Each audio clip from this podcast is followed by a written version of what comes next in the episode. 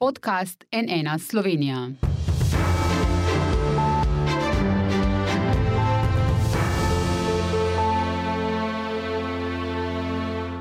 Dober dan, to je NN studio. Danes dopoledne se je na Tržaškem pokopališču pri Sveti Ani več sto ljudi ob zvokih pesmi Slovenecem poslovilo od pisatelja in akademika Borisa Pahorja, ki je v 109. letu starosti umrl prejšnji ponedeljek.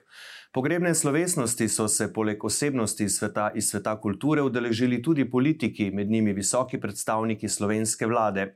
Ministrica za kulturo Asta Vrečko, ministr za slovence v zamejstvu in po svetu Matej Arčon ter notranja ministrica Tatjana Bobnar. Garda slovenske vojske pa je v imenu premijeja Roberta Goloba položila venec. Duhovnik Karel Bulčina je v pridigi Pahorja označil kot očaka in narodnjaka, velikega humanista in preroka, človeka z veliko začetnico.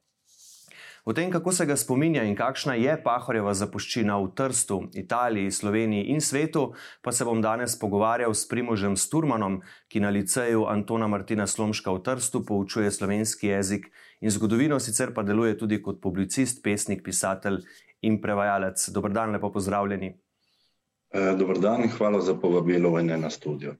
Uh, gospod Sturman, oglašate se nam z liceja, kjer je Boris Pahor pred več kot 50 leti kot srednješolski profesor, takrat še na učiteljišču, tudi poučeval in sicer italijanski jezik. Eh, to se tudi vidi na tej fotografiji, Pahor je levo zgoraj. Ob uh, njegovi smrti ste zapisali, da vaši dijaki tega, da je poučeval na tej šoli, niso vedeli. Kako to, glede na to, da gre za tako veliko svetovno znano ime? Ja, morda, ker je Pahor znan tudi po marsičem drugem. Največ so vedeli o njem, recimo, da je toliko star, 108 eh, let. Eh, vedeli so, da je avtor nekropole, vedeli so, da je eh, še zadnja priča, ki je videla goret narodni dom. Tako da je morda ta podatek, da je bil profesor oziroma učitelj na tej šoli, ko je bilo to še učiteljišče, šel malo pozabo. Morate pomisliti tudi na to, da je bilo to pred več kot 50 leti. Eh, v času, on se je dejansko upokojil eh, v času tiste druge Kozbekove afere, ko je išel eh, intervju s Kozbekom, mislim, Pahorjev intervju s Kozbekom v publikaciji Edward Kozbek, pričevalec našega časa. In ker je potem že toliko stvari naredil vmes, ostaja spomin na naši šoli nam precej bled. Zdaj jaz sploh ne vem, če je še kdo, ki je tukaj zaposlen danes, Eh, da se, da se spomni njega pač kot učitelja oziroma profesorja. Uhum. Bil je eden od zadnjih pričevalcev 20. stoletja in grozot, ki so se dogajale takrat. Ogromno je videl in pretrpel, pa ga optimizem kljub temu nikoli ni zapustil. Ni bil zagrenjen, kot se morda komu s takšno izkušnjo lahko zgodi. Vi ste ga poznali, nekajkrat ste z njim opravili intervju leta 2012 v sodelovanju z Borisom Pahorjem in Dragom Jančarjem za založbo Slovenska matica, tudi uredili zbirko zapisov disidenta Franca Jeze. Kako se vi spominjate Borisa Pahorja? Be, jaz lahko rečem, da so bili najni stiki, predvsem delovnega, oziroma če lahko rečem tako poslovnega značaja. E, omenili ste publikacijo, ki je šla pred desetimi leti. E, to je zelo pomembna publikacija, čeprav e, ni doživela velikega odmeva. E, Franc Jeza je bil e, disident, e, še prej je bil seveda begunec.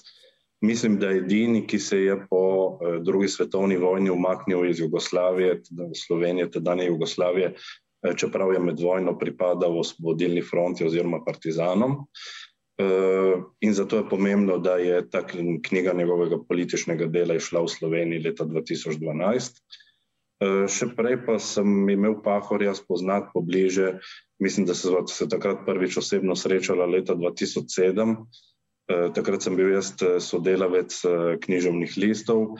Igor Bratoško je bil takrat glavni odgovorni urednik književnih listov. Moram reči, da je bil zelo odprt, zelo naklonjen temu, da se piše o slovenski književnosti v Italiji. In sem mu jaz takrat predlagal, da imamo nekaj napisati. Letos je 40-letnica Nekropole, ki je šla leta 1967. E, to je posebna knjiga, takrat e, si upam trditi, da ni bila še toliko znana, kot je danes, e, ni doživela še toliko prevodov v tuje jezike, tudi v Italiji niso še poznali. In tako da se mi je zdelo pomembno, da, da ovekovečim tega, tega velikega človeka, ki je potem pač doživel priznanje. Treba je tudi reči, da je se njemu zgodil čudež in sicer, da je dočakal tako visoko starost. Če bi on umrl pri 80 ali 85 letih, kot je poprejšnja življenjska doba v Italiji oziroma v Sloveniji, uh, najbrž vse te slave ne bi doživel, oziroma bi mu bila podana posthumno. Evo. In na koncu je doživel tudi med drugim vrnitev Narodnega doma v Trsto. Ne? To mu je verjetno takrat zelo veliko pomenilo, glede na to, da je v bistvu sam videl tisti požig takrat. E, ja, takrat, e, pred dvema letoma, je bilo to 13. E, julija ob stoletnici požiga. Takrat je bil sicer že zelo bogiš, zelo betežen. Eh, treba je reči tudi to, da eh, ni samo tega doživel, je doživel tudi to, eh, da sta mu predsednika obeh držav, torej Italije in Slovenije, izročila najvišji državni odlikovanje, kar je mm, rade volje sprejel. Ehm, če lahko povem še to, ehm, njegovo rojstno mesto Trst ga je tudi dokaj pozno pripoznalo. Leta 2003 je prejel Zlatega svetega Justa, to je posebno priznanje, ki ga tržaški kronisti oziroma novinari pod, eh, mislim, predajo, podeljujejo zaslužnim osebnostim eh, za eh, časno meščanstvo oziroma priznanje tržaške občine, pa je moral čakati, če se ne motim, bilo to leta 2012 ali 2013 pod levo-sredinsko občinsko pravo, kajti priznanje, ki bi mu ga hoteli dati prej, je zavrnil v svoji pokončnosti, kot če marsikaj drugega je zavrnil. Zakaj? Zato, ker eh, to priznanje je omenjalo eh, njegovo eh, trpljenje v nacističnih taboriščih in njegov angažma proti jugoslovanskemu komunizmu, ni pa omenjalo fašizma. Eh, takratni sedajni župan Roberto Di Piazza tega ni želel eh, in je Pahor pač to zavrnil. Tako da eh, Zgodba glede Pahorja je zelo dolga. E, mislim, da smo izgubili enega izrednega človeka, ne samo pisatelja, pričevalca in tako dalje. In tako dalje. Mhm. Eh, ne samo pokončnost, eh, njegovo življenje je zaznamovala tudi ljubezen. Ne, eh, vi ste takrat njega spoznali v bistvu kot srednješolec, takrat je imel za vas nek nagovor, nek posnetek in takrat v tistem nagovoru je govoril o ljubezni do življenja, o ljubezni do besede in na vse zadnje ljubezni do ljubezni. Torej, ljubezen ga je v bistvu zelo zaznamovala. Ja, če lahko povem, to je bilo pred če se ne motim, leta 1999, takrat je bil on star 86 let, še vedno ne tako znan, kot bi lahko bil znan takrat. Uh, jaz se spominjam, mi smo sodelovali v nekem šolskem kvizu in je bil on neka taka skrita osebnost, ki je bilo treba na podlagi namigov eh, odkrivati in tako dalje. Če gledam nazaj, uh, ne morem reči, da sem jaz takrat njegove besede popolnoma oziroma globoko razumel je bilo treba, da sem ga spoznal boljše, je bilo treba, da sem ga eh, prebral, je bilo treba tudi, da sem stopil eh, z njim eh, v živ stik, da sem se ga navadil ceniti. Lepo je bilo, recimo, imam tudi lepe spomine na praznovanje njegove 95-letnice, to je bilo v Repnu, na Krasu. Eh, njegove 99-letnice, to je bilo v Tržaškem klubu Sirena ob morju, in tako dalje. In tako dalje. Torej, eh, ogromno je bilo eh, teh praznovanj. In vsako, dejansko je bilo njegovo eh, zadnje leta, bil vsak eh, njegov rojstni dan eh, neke vrste narodni praznik kulture, slovenske literature v zamestvu. Mhm. Ja, ne na zadnje, tu so njegove zasluge zelo velike. Ne? Tudi sami ste zapisali, da množično prevajanje slovenskih avtorjev iz Italije v italijanščino se je začelo prav s Pahorem in vsak njegov uspeh je bil uspeh celotne narodne uh, skupnosti. Torej, veliko stvari ni bilo mogoče narediti oziroma si zamisliti, ne, da bi se pri tem tako ali drugače ne sklicevali na njega. Ja, njegova nekropola je bila recimo prevedena m, mm, precej hitro po izidu, tam verjetno konec 60-ih, začetek 70-ih let. Prevedel je Ecio Martin, velik prijatelj slovencev, če se ne motim, je bil doma nekje iz Piemonta, torej iz krajev, ker živi provansalska manjšina. Potem eh, nekropola ni dobila založnika v Italiji, čakala je celih 30 let.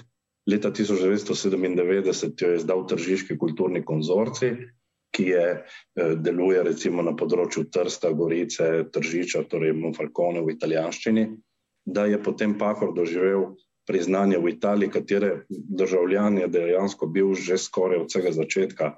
Spomnimo se, da se je on dejansko rodil kot podanik Avstro-Ogrskega cesarstva Habsburžanov, Franca Jožefa I.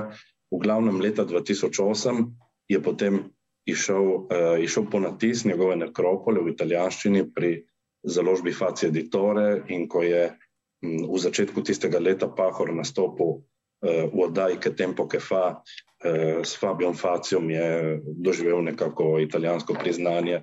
Mislim, da mu je bilo to uh, zelo pomembno in torej nek zelo pomemben dogodek, ki sem prepričan tudi to, da je vsa ta priznanja, ki jih je doživljal, oziroma ja, doživljal v zadnja leta, so mu nekako tudi daljšala to uh, njegovo eksistenco, njegovo življenje na tem svetu. Imel očitno tudi zelo dobre gene, da je doživel tako veliko starost, ampak eh, trpljenje ga je utrdilo, ne seveda tisto, kar je pretrpel v mladih letih. Eh, ta, ta slava iz zadnjih let pa ga je precej držala po konci. Mhm. O njem zdaj vemo res veliko, pa je morda še kak podatek o njem, ki širši javnosti ni znan, pa je zanimiv? Ja, recimo, um, on je dosti krat potožil, to je bilo sicer že pred 15 leti, recimo, da je uh, zaliv še premalo znan, torej revija, ki jo je izdajal od leta 1966 do leta 1990 v sodelovanju uh, z nekaterimi tržaškimi kulturniki, Tu omen, eh, želimo omeniti predvsem Milana Lipovca, publicista. Um, verjetno ni znano dejstvo, da se je v konec 60-ih let odločil za neko samostojno politično nastopanje v Trstu. Takrat je bilo tako, da je večina slovenskih levičarjev uh, nastopala v italijanskih strankah, torej predvsem v komunistični partiji Italije in socialistični stranki. Tisti slovenci, ki se niso prepoznavali v levici, so imeli svojo stranko, torej so imeli Slovensko demokratsko zvezo, predhodnico današnje slovenske skupnosti. Uh, on pa je bil uh, kot prepričan socialdemokrat, je želel uh, samostojno politično nastopati, ustanovil je stranko Slovenska levica, uh, s katero je mislil, da bo vstopil pač v to um, politično življenje slovenske manjšine in tako dalje. Mislim, da je bil to eden redkih projektov, ki se mu je izjelovil, ker eh, dejansko, tudi če pogledamo, imamo zelo malo pisateljev, ki so bili uspešni politiki in obratno. Mhm. Kako pa gledate, zdaj, ko ste ravno omenili politiko, ne? kako gledate na odnos slovenske politike do njega? Tako ena kot druga stran eh, sta se sklicevali na njega ali na njegove izjave, ko jima je to ustrezalo? Ja, pravilno ste povedali. Mm, spomnim se, da je bilo pred leti, poslušal sem nek posnetek prireditve eh, po radiju Trsta, mislim, da je bilo to v nedeljo, eh, v oddaji namenjeni eh, imenovani iz naših prireditev. In je bil enkrat kritičen, recimo, do cerkve, drugič bolj do kakšnih levičarjev in tako dalje. In vedno mu je kdo ploskal. Ne? Eh, najbrž mu je enkrat ploskal en del občinstva, drugič mu je ploskal drugi del občinstva. On je vedno poudarjal to, da Slovenci, poleg zvestobe svojemu jeziku, potrebujemo narodno zavest. Da brez narodne zavesti ne bomo prišli nikamor. O tem je skozi pisal v svojih knjigah. Poudaril bi recimo to eh, v svoji knjigi Esejev, Odisejo Bjamboru iz leta 1969, ki je šla v knjižnici Zaliva, je direktno takrat polemiziral eh, z Edvardom Kardeljem in mu očital uh, in se je spraševal retorično, zakaj smo šli v narodno-osvobodilni boj, če vi zdaj govorite o odmiranju naroda.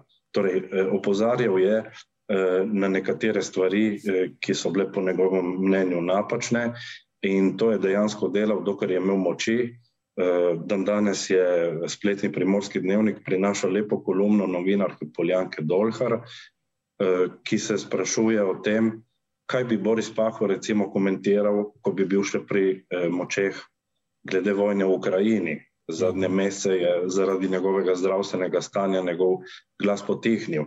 Torej, bil Boris Pahor nekakšna vest vseh naš, nas, hkrati pa je bil za me osebno moram reči, sem ga doživljal tudi kot nekakšno garancijo, češ dokler bodo živi pričevalci tistih grozot, predvsem nacističnih taborišč, ampak ne samo, bo evropski človek najbrž se temu uspel izogniti.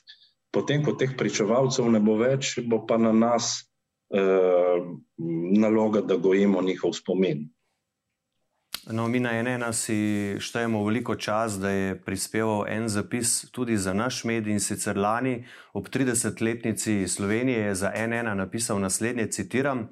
Upam, da se bo kdaj v prihodnosti v Sloveniji spremenilo tudi to, da bo človek neke druge stranke ali bolje rečeno druge politične usmeritve lahko podprl soseda, to se pravi, da ne bi mar jaz kot socialni demokrat podprem krška, krščanske socialce to je bil Boris Pahor. Ta stavek, mislim, da ga kar dobro opisuje in verjetno se tudi vi s tem strinjate. Absolutno se strinjam, če lahko tukaj citiram še nekega, enega našega velikana, Aloisa Rebulo. On je tudi nekaj časa pred smrtjo, ko je imel nagovor za mlade, rekel: Literatura, on je sicer govoril o književnosti, eh, moramo ocenjevati objektivno. Eh, Rebulo je živel v času, ko se je govorilo o katoličanih in marksistih, in je rekel: eh, more katoličan oziroma kristjan eh, neprizadeto oziroma brez predsotkov ocenjevati literaturo marksista in obratno. Če bo eh, prišla ideologija vmes v ta odnos, je pač zaključeno, nimamo kaj. Mhm. Glede na to, kako dolgo je bil v Sloveniji, oziroma takrat še v Jugoslaviji prezrt, to ste že v začetku omenili, celo persona non grata je bil uh, kar nekaj časa. Kaj menite, ali obstajajo kakšne razlike med tem, kako ga dojemamo v Sloveniji in kako v Trstu in Italiji?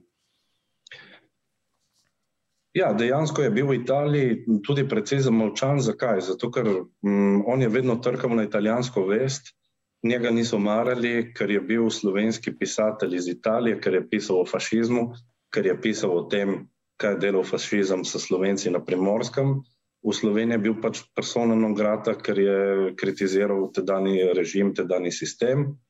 Um, svo, moja želja, ki sem jo pač javno izrazil že pred skoraj tremi leti uh, z dvema šolskima oziroma literarnima kolegoma, Davidom Bandljem oziroma Necem Rozmanom Ivančičem je ta, da bi Boris Pahor prišel eh, v učni načrt za četrti letnik gimnazij oziroma srednjih šol kot obvezni avtor, torej da bi eh, dijaki, ki, so, ki naredijo maturo v Sloveniji, morali poznati Borisa Pahorja, zdaj trenutno njega ni med obveznimi avtori in zgodi se tudi, da eh, ker ga ni med obveznimi avtori, tudi zato ga ni v nekaterih berilih. Bi želel, da bi se upošteval uh, več v tem smislu, tudi ker uh, se vsako leto ob njegovih rojstnih dnevih ga hvalilo, da je ambasador slovenske kulture in tako dalje. In tako dalje. Torej, demo narediti tisti korak, tisti mali korak, uh, ki je res tukaj še manjka, da bi ga priznali do konca. Torej, demo ga kanonizirati tudi med avtorje, uh, ki se uh, ga morajo dijaki učiti v šoli, ob velikanih uh, slovenskega 20. stoletja, če govorim samo o prozi, kot so uh, recimo začeši z Ivanom Cankarjem, Edvardom Kozbekom, Dragom Jančarjem, da imamo Bog še Borisa Pahorja, torej zakaj ne. Mhm. S tem ste mi v bistvu že delno odgovorili na naslednje vprašanje. Namreč želel sem vas vprašati, če ni to dvolično, ne, da ga kot narod tako slavimo. Še pred smrtjo je dobil kip v Ljubljanskem Tivoli v cel kup nagrad, med drugim tudi najviše francosko državno priznanje, na kar smo zelo ponosni. Naš šolski sistem pa njegove veličine očitno ne prepozna. Kako si sploh lahko to razlagamo? Vi ste rekli, da takrat ste tudi podpise zbirali, več kot 500 ste jih zbrali, pa brez haska. Ba, jaz sem prepričan, mislim, jaz imam neko svojo tezo, ki zaenkrat mi je še nihče ni osporavil, če lahko tako rečem.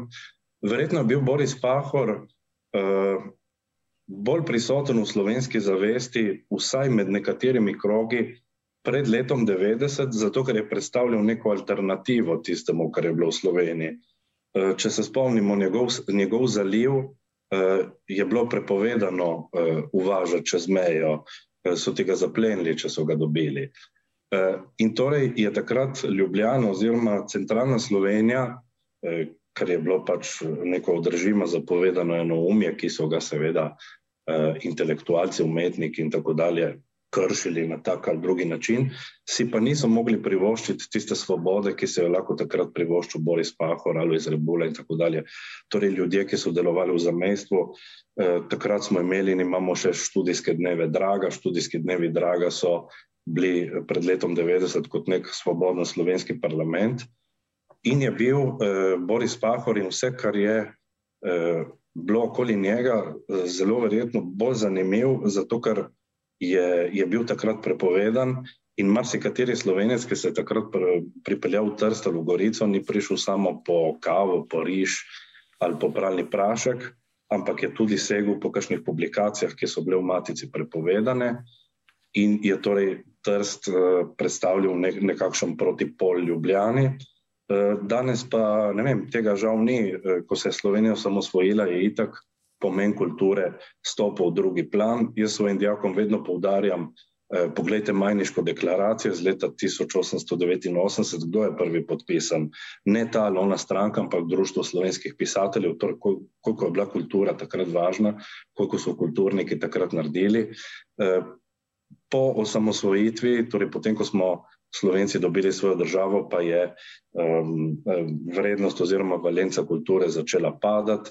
Boris Pahor je sicer eh, doživel eh, nek svoj, eh, neko svoje ustajenje, če lahko tako rečem, ampak eh, njegovo delo eh, in zavest eh, o tem, njegove ideje moramo mi tudi ponotraniti. Ni dovolj, eh, da se ga spominjamo samo enkrat na leto, oziroma da smo mu samo enkrat na leto ob njegovem rojstnem dnevu 26. augusta prirejali slavje.